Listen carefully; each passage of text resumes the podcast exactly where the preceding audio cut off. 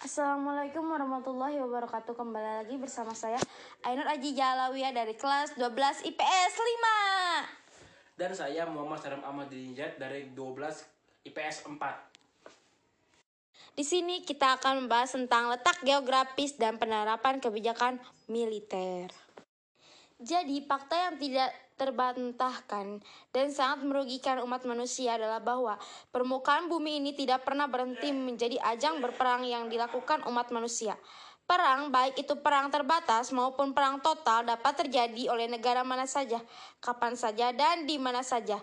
Tidak terbatas dari operasinya di belahan bumi ini. Benarkah? Benar sekali. Dalam menghadapi perang, para perencana dan pembuat strategi militer selalu mengumpulkan dan mencari informasi, geografi atau informasi geospesial untuk di, dimanfaatkan kelebihannya dan atau di kekurangannya dal- dalam rangka memenangkan peperangan atau pertempuran. Informasi geospesial atau geografi itu sendiri sangat penting sebagai bahan pertimbangan pada proses pengambilan kebijakan, penentuan strategi militer dan perenca- perencanaan operasi militer untuk tujuan memenangkan perang dalam rangka mencapai kepentingan nasional suatu negara. Pertanyaannya, apakah faktor geografi yang berwujud informasi geospesial tersebut masih digunakan sebagai salah satu faktor penentuan dalam pertimbangan aktivitas pertahanan atau perang atau oleh para pengambil kebijakan pertahanan dan pembuatan strategi militer?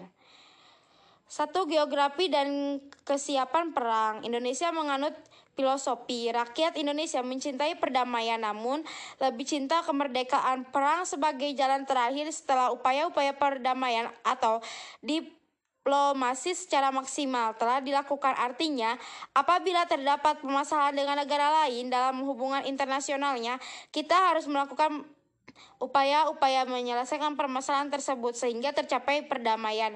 Namun, apabila tidak bisa, maka diperlukan kekuatan pertahanan untuk melakukan upaya-upaya pemaksaan supaya terciptanya perdamaian. Untuk itu diperlukan militer yang siap dan kuat atau readiness untuk menangkal segala maksud dan keinginan negara lain untuk mengganggu dan mengancam kedaulatan teritori negara kesatuan Republik Indonesia. Militer yang kuat dalam rangka menjaga kedaulatan teritori bangsa dan negaranya perlu dilakukan dengan membangun dan mengembangkan SDM yang profesional, sistem dan metode pengetahuan dan ilmu pengetahuan. Sarana dan al- alutsistanya yaitu dengan mendidik dan melatih para prajurit supaya memiliki tingkat keterampilan yang optimal, piranti lunak dilengkapi, yaitu mulai doktrin, petunjuk operasi, juknik dan juklap serta dipublikasikannya lainnya sedangkan sarana dan prasananya pendidikan dan latihan home base dan lain-lain. Harusnya dilengkapi demikian pula alu, alutsista harus disiapkan dan diadakan secara maksimal baik pengadaan dalam negeri maupun pengadaan dari luar negeri Jadi, semuanya itu harus dilakukan pada saat damai sekali lagi. Pada saat damai karena suatu yang mustahil apabila melakukan kesiapan pada saat atau sedang perang. Se- sebagai contoh, di ADES dan AS mereka mengembangkan suatu sistem yang disebut dengan PCS untuk menghadapi pertempuran di masa mendatang yang terdiri dari empat komponen yaitu pengembangan persenjataan, kendaraan tempur daratan berawak, sistem senjata tanpa awak, jaringan sistem persenjataan, dan SDM atau para prajurit. Pertimbangan dari pengembangan itu semua baik di lingkungan TNI, AD, kita maupun di AS adalah faktor geografi. Contohnya pengadaan UAV dan drone. Misalnya karena kesulitan di menembusnya medan atau geografi di medan operasi di Afghanistan. Perang dapat dilakukan di teritori nasional dan dapat pula dilakukan di luar teritori nasional. Dalam lingkungan fisik dan psikologis wilayah waktu tertentu, doktrin AS atau Amerika Serikat menyatakan bahwa perang tidak boleh terjadi di teritori negaranya, sehingga mereka melakukan preemptive strike atau bahkan melakukan invasi dengan mengerahkan kekuatan militer secara maksimal untuk menghancurkan negara yang diinvasinya. Untuk melakukan invasi tersebut, sudah pasti memerlukan informasi geografi atau informasi geospesial, terutama untuk dijadikan bahan pertimbangan strategi, militer, pengerahan pasukan, dan pelaksanaan perang dan demobilisasi pasukan setelah perang berlangsung. Doktrin perang negara kita juga menganut preemptivity atau strict yang menghancurkan kekuatan musuh di negara bila sudah ada tanda-tanda akan menyerang titor- teritori kita. Menghancurkan di perjalanan sebelum memasuki wilayah J, E, dan seterusnya. Hingga musuh mendarat di pantai dan selanjutnya melakukan perang ber- berlanjut sampai dengan kita dapat mengusir agresor keluar dari teri- teritori kita. Perang di teritori nasional. Perang yang dilakukan di teritori nasional mempunyai kerugian dan keuntungan. Kerugiannya adalah akan menimbulkan kerusakan lingkungan fisik dan non-fisik bagi rakyat. Baik korban jiwa maupun kerusakan total dari seluruh sarana prasarana yang telah dibangun selama bertahun-tahun. Apalagi Indonesia menganut sistem pertahanan rakyat semesta yang mempunyai pengertian yang berperang Berperang bukan hanya SDM saja, tetapi seluruh potensi nasional pun ikut ber- berjuang. Bila potensi nasional maka akan termasuk di dalam seluruh permukaan bumi geografi. Indonesia akan dimanfaatkan sebesar-besarnya untuk memenangkan perang. Contoh perang kemerdekaan seperti Bandung Lautan Api, Perang 10 November, Ambarawa, dan perang lainnya yang melibatkan komponen nasional. Sedangkan keuntungannya, seluruh potensi nasional yang dimiliki bisa didaya gunakan menjadi kekuatan nasional untuk menghadapi musuh. Termasuk di dalamnya adalah pemanfaatan geografi Indonesia apalagi bila secara spesial telah ditata dalam bentuk rencana umum tata ruang wilayah pertahanan sehingga setiap ruang yang ada tata ditata seperti di mana spesial sebagian medan pertempuran di mana medan yang disiapkan untuk daerah komunikasi, di mana daerah logis wilayah dan di mana daerah penghancuran penat- penataan juga akan menyangkut pada siapa peran apa pada terjadi pertempuran bagaimana komponen cadangan berperan, bagaimana komponen pendudukan berperan dan seterusnya. Keuntungan lainnya apabila peperangan terjadi di teori nasional adalah satuan-satuan tempur kita akan sangat mengenal medan masing-masing secara baik. Artinya masih tergantung pada masa damai apakah pembinaan teritorial atau binter dalam menata ruang alat, alat dan kondisi juga rak juang telah berjalan sebagaimana mestinya atau bahkan sebaliknya apabila binter tidak berjalan maka perang di teritori nasional akan menjadi kerugian yang besar bagi negara. Karena pada zaman modern, perang di luar teritori pun tetap saja berpengaruh terhadap teritori nasional. Perang yang dilakukan di teritori nasional perlu adanya perencanaan yang matang, terutama perencanaan kompartementasi teritori kondisi geografi menjadi pertimbangan utama bahwa Indonesia merupakan kepulauan. Kondisi geografi secara faktual merupakan daerah daratan, daerah barawa, bu- berbukit, dan daerah pegunungan yang tinggi dan berhutan lebat dari daerah yang belum dijamah, daerah jarang penduduknya sampai dengan daerah perkotaan dan atau daerah padat penduduknya, dari daerah dengan sungai-sungai terpanjang dan lebar hingga daerah yang dihubungkan dengan selat dan laut. Perbedaan tersebut akan mempengaruhi berbagai macam kebijakan dan strategi hingga kepada memilih cara bertindak yang tepat dan melaksanakan operasi mili- militer perang. Geografi dan Operasi Militer Selain Perang atau OMSP. Operasi militer selain perang atau Military Operation Other or the War adalah suatu bentuk operasi yang dilakukan oleh militer, baik yang dilaksanakan dalam rangka pendukung operasi militer atau O- OMP maupun O- OMSP yang dilaksanakan tidak dalam rangka mendukung perang. Yang dimaksud OMSP ad- OMC dalam rangka mendukung OMP yaitu operasi yang dilaksanakan dan dilaksanakan untuk mencapai keberhasilan dan memenangkan perang atau pertempuran. Misalnya dalam rangka mengatasi gerakan separatisme dan pemberontakan yang merupakan inisiasi negara agresor dalam rangka menginvasi atau ofensif dalam suatu serangan terhadap teritori negara RI.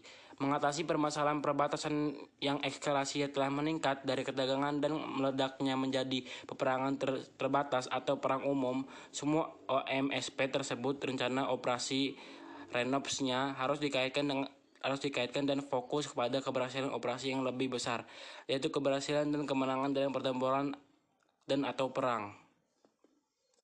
Jadi kesimpulannya adalah dari uraian di atas dapat disimpulkan beberapa kesimpulan sebagai berikut. Bahwa geografi masih tetap merupakan faktor pentingnya dalam proses pengambilan kebijakan atau keputusan terutama yang berkaitan dengan penyelenggaraan perang dan operasi militer serta sebagai salah satu bahan dalam menentukan strategi militer. Dua, bahwa berbagai kesiapan perang baik itu menyangkut kesiapan SDM yang profesional, sistem dan metode pengetahuan dan ilmu pengetahuan sarana dan alutsistanya perlu mempertimbangkan faktor geografi. Tiga, bahwa peperangan yang dilakukan baik di teritori nasional maupun di luar teritori nasional merugikan rakyat, bangsa, dan negara. Untuk itu perlu diingatkan adanya ada gium sipis dengan menyiapkan SDM. Dan empat, bahwa pengadaan alusista tidak perlu perlu tidak paku pada deterministik geografi melainkan mencari geografi yang fit dengan memfokuskan kepada lokus tertentu yang menjadi potensi ancaman negara di masa mendatang. Sekian dari saya. Wassalamualaikum Warahmatullahi warahmatullahi wabarakatuh. Assalamualaikum warahmatullahi wabarakatuh Kembali lagi bersama saya Ainur Aji Jalawiyah dari kelas 12 IPS 5 Dan saya Muhammad Saram Ahmad Dinjat dari 12 IPS 4. Di sini kita akan membahas tentang letak geografis dan penerapan kebijakan militer. Jadi, fakta yang tidak terbantahkan dan sangat merugikan umat manusia adalah bahwa permukaan bumi ini tidak pernah berhenti menjadi ajang berperang yang dilakukan umat manusia. Perang, baik itu perang terbatas maupun perang total, dapat terjadi oleh negara mana saja, kapan saja, dan di mana saja. Tidak terbatas dari operasinya di belahan bumi ini. Benarkah? Benar sekali. Dalam menghadapi perang, para perencana dan pembuat strategi militer selalu mengumpulkan dan mencari informasi, geografi atau informasi geospesial untuk di- dimanfaatkan kelebihannya dan atau di kekurangannya dal- dalam rangka memenangkan peperangan atau pertempuran. Informasi geospesial atau geografi itu sendiri sangat penting sebagai bahan pertimbangan pada proses pengambilan kebijakan, penentuan strategi militer dan perenca- perencanaan operasi militer untuk tujuan memenangkan perang dalam rangka mencapai kepentingan nasional suatu negara. Pertanyaannya, apakah faktor geografi yang berwujud informasi geospesial tersebut masih digunakan sebagai salah satu faktor penentuan dalam pertimbangan aktivitas pertahanan atau perang atau oleh para pengambil kebijakan pertahanan dan pembuatan strategi militer? Satu geografi dan kesiapan perang. Indonesia menganut filosofi rakyat Indonesia mencintai perdamaian namun lebih cinta kemerdekaan perang sebagai jalan terakhir setelah upaya-upaya perdamaian atau diplomasi secara maksimal telah dilakukan artinya apabila terdapat permasalahan dengan negara lain dalam hubungan internasionalnya kita harus melakukan upaya-upaya menyelesaikan permasalahan tersebut sehingga tercapai perdamaian. Namun, apabila tidak bisa, maka diperlukan kekuatan pertahanan untuk melakukan upaya-upaya pemaksaan supaya terciptanya perdamaian. Untuk itu diperlukan militer yang siap dan kuat atau readiness untuk menangkal segala maksud dan keinginan negara lain untuk mengganggu dan mengancam kedaulatan teritori negara kesatuan Republik Indonesia. Militer yang kuat dalam rangka menjaga kedaulatan teritori, bangsa dan negaranya perlu dilakukan dengan membangun dan mengembangkan SDM yang profesional, sistem dan metode pengetahuan dan ilmu pengetahuan sarana dan al- alutsistanya yaitu dengan mendidik dan melatih para prajurit supaya memiliki tingkat keterampilan yang optimal, piranti lunak dilengkapi yaitu mulai doktrin, petunjuk operasi, juknik dan juklap serta dipublikasikannya lainnya sedangkan sarana dan prasananya pendidikan dan latihan home base dan lain-lain. Harusnya dilengkapi demikian pula alu, alutsista harus disiapkan dan diadakan secara maksimal baik pengadaan dalam negeri maupun pengadaan dari luar negeri Jadi, semuanya itu harus dilakukan pada saat damai sekali lagi. Pada saat damai karena suatu yang mustahil apabila melakukan kesiapan pada saat atau sedang perang. Se- sebagai contoh, di ADES dan AS mereka mengembangkan suatu sistem yang disebut dengan PCS untuk menghadapi pertempuran di masa mendatang yang terdiri dari empat komponen yaitu pengembangan persenjataan, kendaraan tempur daratan berawak, sistem senjata tanpa awak, jaringan sistem persenjataan, dan SDM atau para prajurit. Pertimbangan dari pengembangan itu semua baik di lingkungan TNI AD kita maupun di AS adalah faktor geografi. Contohnya pengadaan UAV dan drone. Misalnya karena kesulitan di menembusnya medan atau geografi di medan operasi di Afghanistan. Perang dapat dilakukan di teritori nasional dan dapat pula dilakukan di luar teritori nasional. Dalam lingkungan fisik dan psikologis wilayah waktu tertentu, doktrin AS atau Amerika Serikat menyatakan bahwa perang tidak boleh terjadi di teritori negaranya, sehingga mereka melakukan preemptive strike atau bahkan melakukan invasi dengan mengerahkan kekuatan militer secara maksimal untuk menghancurkan negara yang diinvasinya.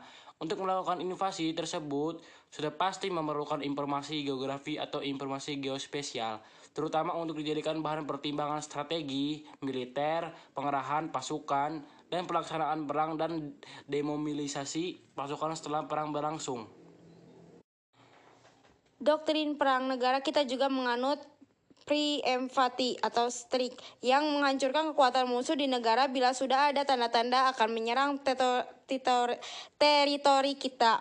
Menghancurkan di perjalanan sebelum memasuki wilayah JE dan seterusnya. Hingga musuh mendarat di pantai dan selanjutnya melakukan perang ber- berlanjut sampai dengan kita dapat mengusir agresor keluar dari teri- teritori kita. Perang di teritori nasional. Perang yang dilakukan di teritori nasional mempunyai kerugian dan keuntungan. Kerugiannya ada, akan menimbulkan kerusakan lingkungan fisik dan non-fisik bagi rakyat. Baik korban jiwa maupun kerusakan total dari seluruh sarana prasarana yang telah dibangun selama bertahun-tahun. Apalagi Indonesia menganut sistem pertahanan rakyat semesta yang mempunyai pengertian yang berperang Berperang bukan hanya SDM saja, tetapi seluruh potensi nasional pun ikut ber- berjuang. Bila potensi nasional maka akan termasuk di dalam seluruh permukaan bumi geografi. Indonesia akan dimanfaatkan sebesar-besarnya untuk memenangkan perang. Contoh perang kemerdekaan seperti Bandung Lautan Api, Perang 10 November, Ambarawa, dan perang lainnya yang melibatkan komunitas nasional. Sedangkan keuntungannya, seluruh potensi nasional yang dimiliki bisa didaya gunakan menjadi kekuatan nasional untuk menghadapi musuh.